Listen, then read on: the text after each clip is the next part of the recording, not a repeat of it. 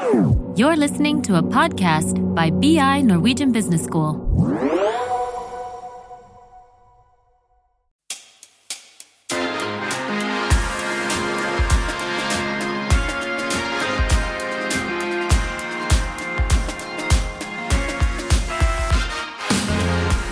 Marte, har du noen gode flørtetips? Å gud, jeg er nok eh, ufattelig dårlig på å flørte, men kanskje det å ha- litt øyekontakt, litt mer enn det vanlige, og, og kanskje gi den andre personen en utfordring. Kanskje det kan være litt kult. Ja.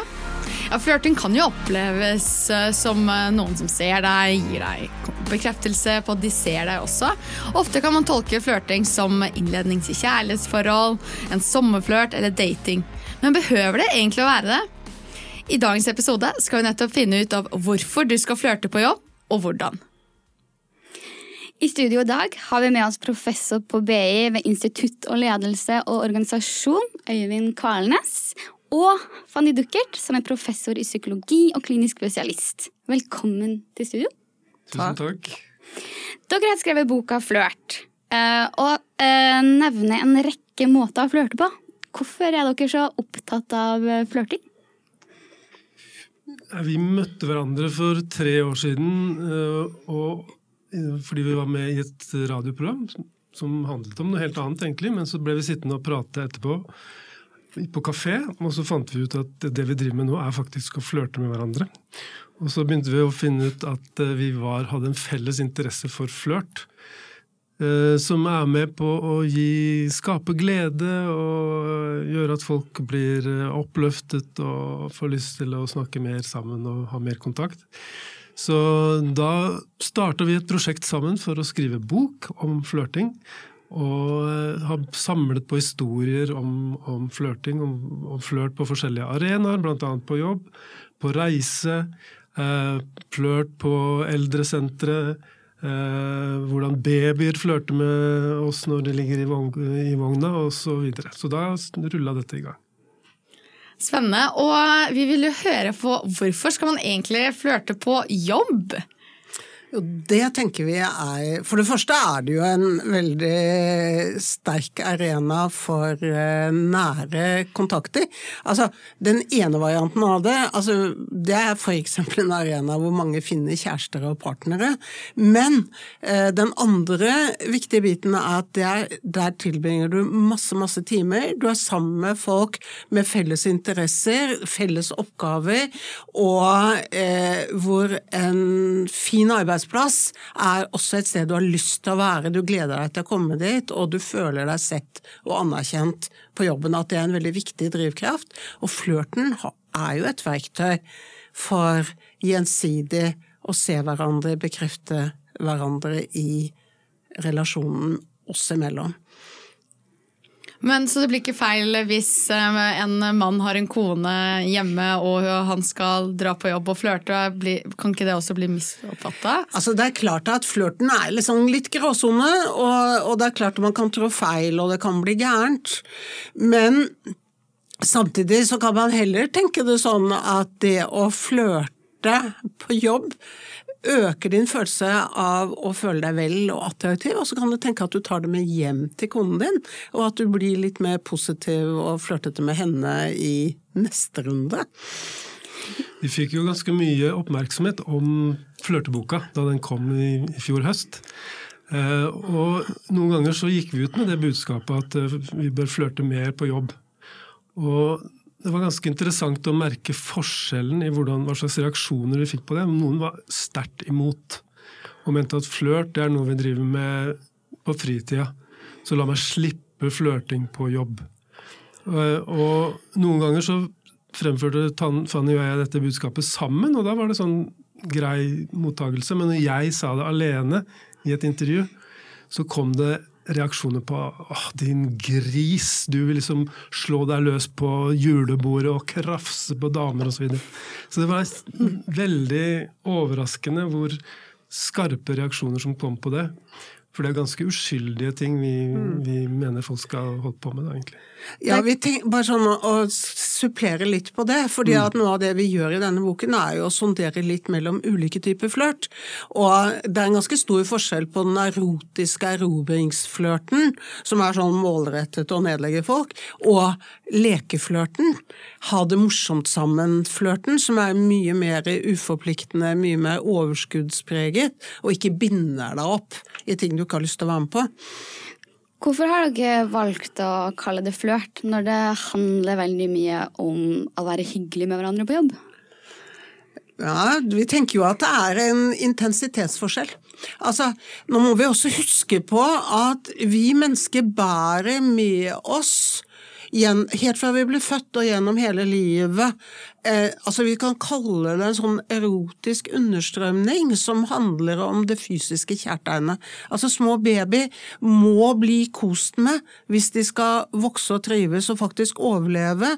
Og, og denne behovet for nærhet, kjærtegn, stimulans, den bærer vi med oss resten av livet. Men fordi vi er mennesker og vi har de hodene vi har, så blir det etter hvert i vel så stor grad erstattet av det vi kaller for symbolske kjærtegn. Og det er de symbolske kjærtegnene som ligger der i flørten, altså hvor det er sånn 'jeg ser deg, og jeg liker det jeg ser'. Ikke sant? Det er en sterkere intensitet, det er en sterkere grad av anerkjennelse, og det er en bitte liten dimensjon av noe erotisk, sanselig, som også vi liker godt, vi mennesker. Hvordan ville dette vært uh, måte, Hvordan skulle en leder på en måte gjort dette med en ansatt? Har du et eksempel? Altså, vi har jo snakket med en del ledere når vi har jobba med boka, som sier at uh, lederen sier 'jeg flørter ikke på jobb'. Jeg flørter uh, ikke nedover i organisasjonen. Og det tror jeg er ganske fornuftig i mange sammenhenger. Så, så, jeg tror nok det er lettere å få til det kollegaer imellom, mm. mer enn at en leder går rundt. fordi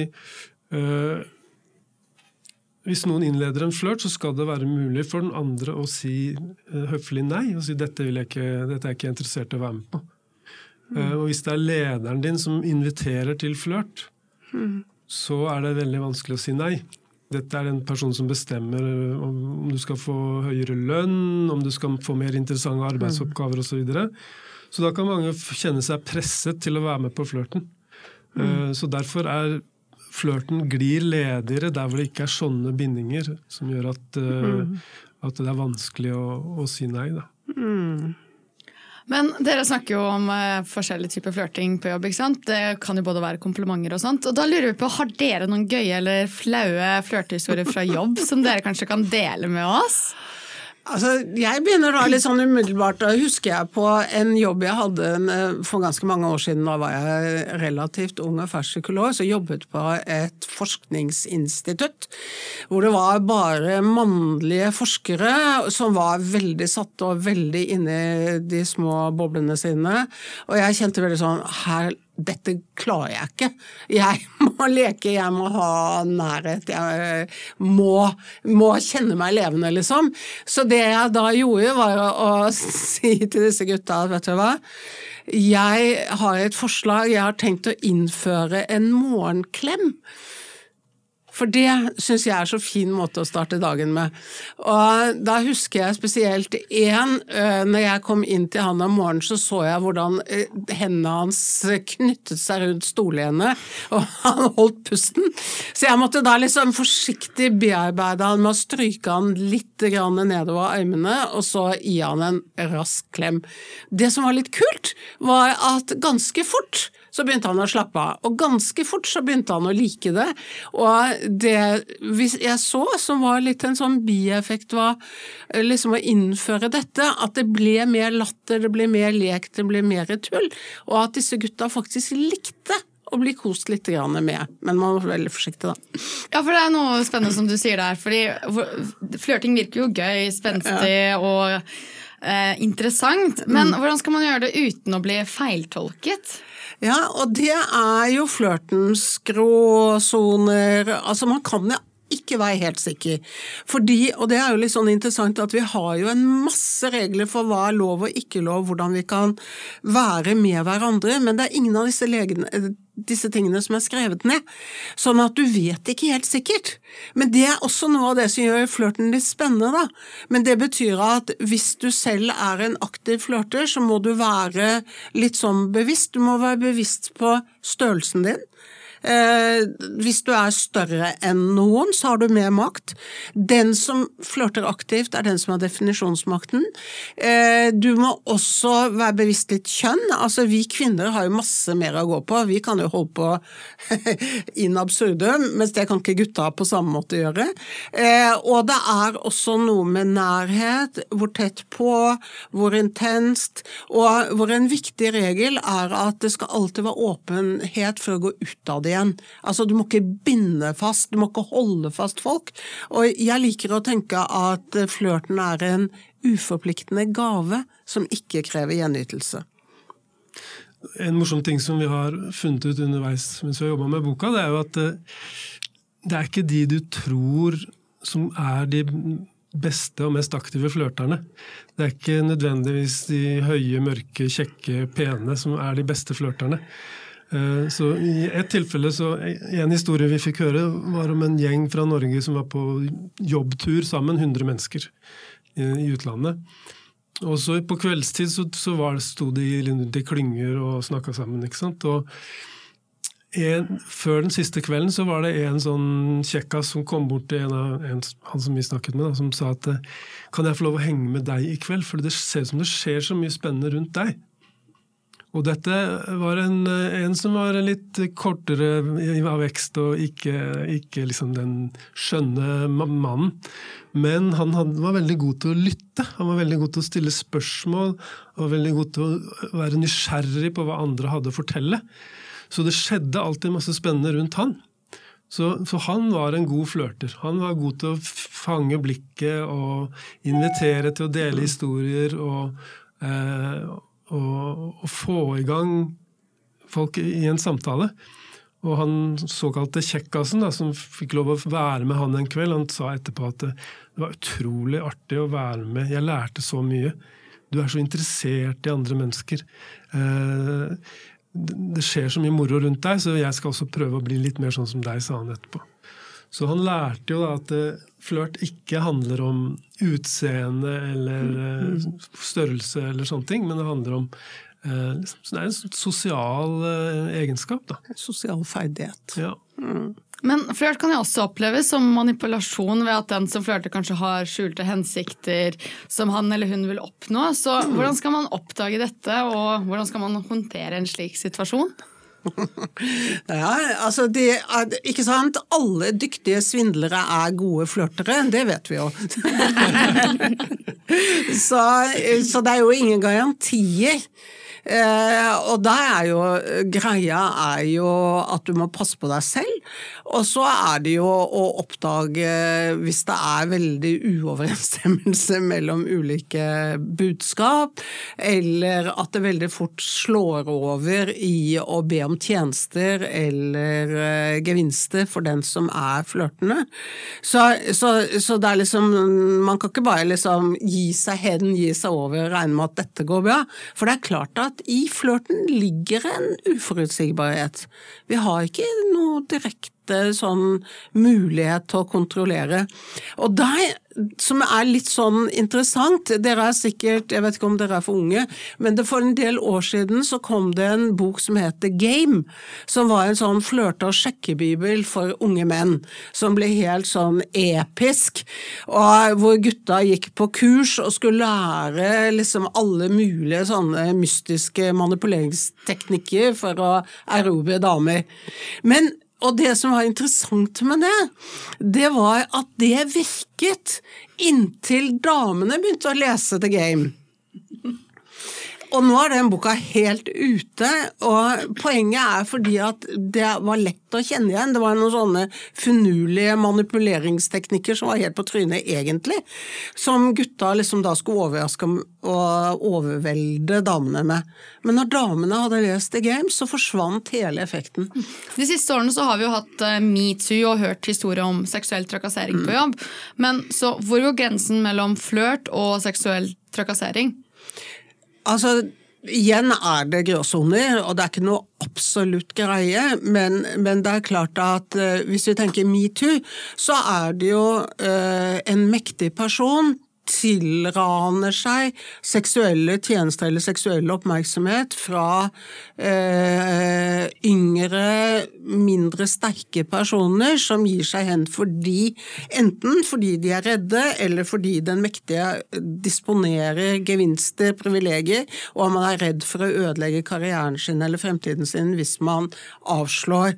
Eh, og ofte, liksom oftest, så tenker man på de gamle, grisete, mektige mennene, men det er heller ikke ukjent at det er mektige kvinner som bruker sin posisjon til å eh, kjøre over unge menn. Så, så greia er dette med maktforskjell. Eh, manglende sensitivitet for den andre, og at man bare måker på ut fra veldig sterke egosentriske motiver. Men hvordan skal man eh, som person som blir kanskje utsatt for en slik ubehagelig situasjon, håndtere det? Både med respekt og gjøre det på en fin og god måte? da? Ja, altså Det som jo er den viktige biten, er jo i første omgang slutt å lure deg selv. Det er Sånn at du på en måte gjennomskuer litt den type ting. Det andre er jo å sette grenser i forhold til hva kan jeg være med på og ikke være med på. Og det er også faktisk å si fra underveis. Og der tenker jeg ofte at unge mennesker er dårlige uh, i forhold til å si at vet du, takk, men nei takk eller her stopper det for meg, eller kan du være snill å slutte med dette, eller jeg vil ikke være med deg på den. Altså at du øver deg på, eller kan, sette grenser, og ikke sitte helt stille og vente på neste trinn, liksom. Det er noe med å ta ansvar for seg selv.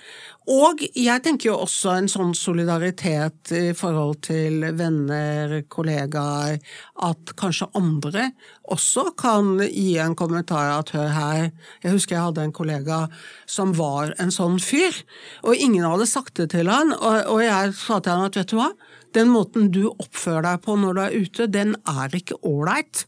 Neste gang du gjør det, så kommer jeg faktisk til å si til deg underveis at dette må du slutte med.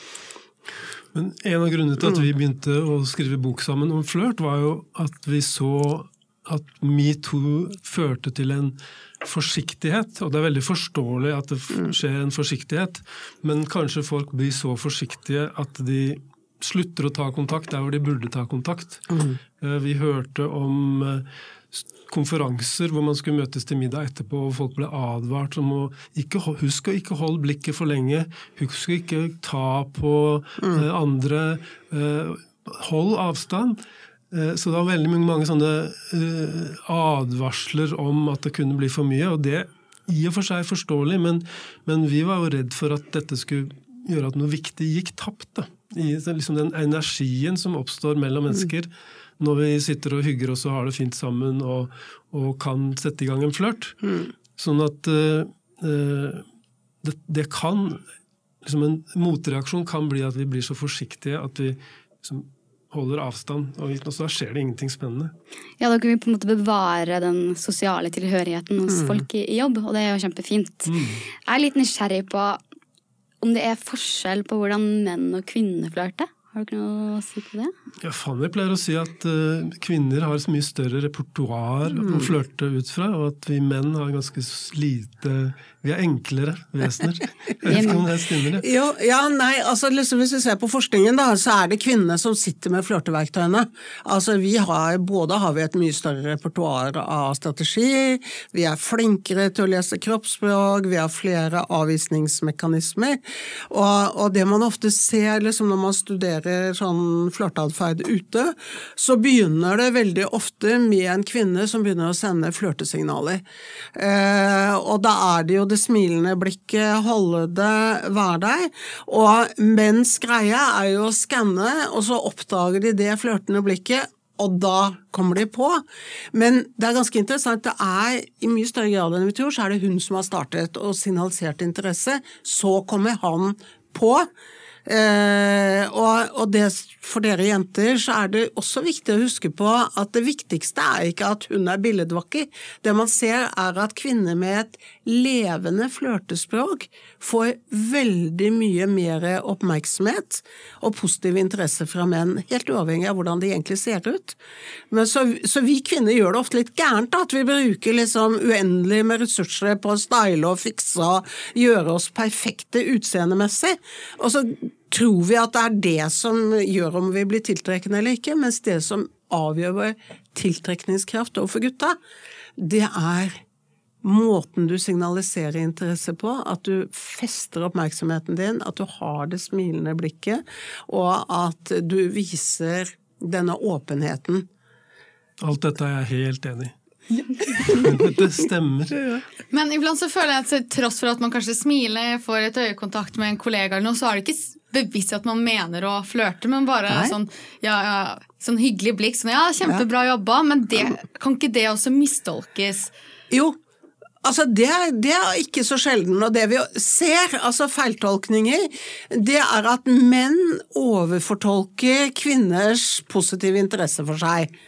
Og kvinner undertolker menns positive interesse. Så, det, så, dette er også sånn, litt sånn kjønnsgreie, og det er klart at det er litt sånn vanskelig eh, fordi at menn er ofte mer opptatt av ansiktet ditt, så hvis du ser på og smiler, så tror de du er veldig interessert, mens det de ikke ser, er at du har kroppen din snudd et helt annet vei, og er på vei ut, men du fortsetter å smile hyggelig, og det er vanskelig å håndtere. Så det er faktisk et lite tips til flørtere.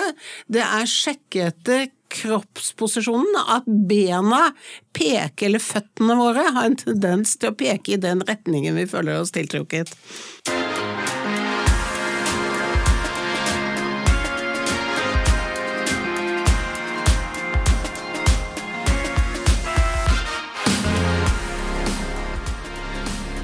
Flørting på jobb med å skape et godt arbeidsmiljø. Flørting handler om å se kollegaene og anerkjenne positive ting med dem. Når det går for langt, må man som mottaker av de komplimentene og flørtingen si ifra. Vi er ofte dårlige til å sette grenser for oss selv og andre, noe vi må være tydeligere på. Man må også være bevisst på sin rolle. Det er forskjell å flørte med en jevnaldrende kollega fremfor en sjef som er mye eldre enn deg. Og dersom man er leder på en arbeidsplass, må man være ekstra forsiktig på hvordan man flørter, fordi man er i en maktposisjon.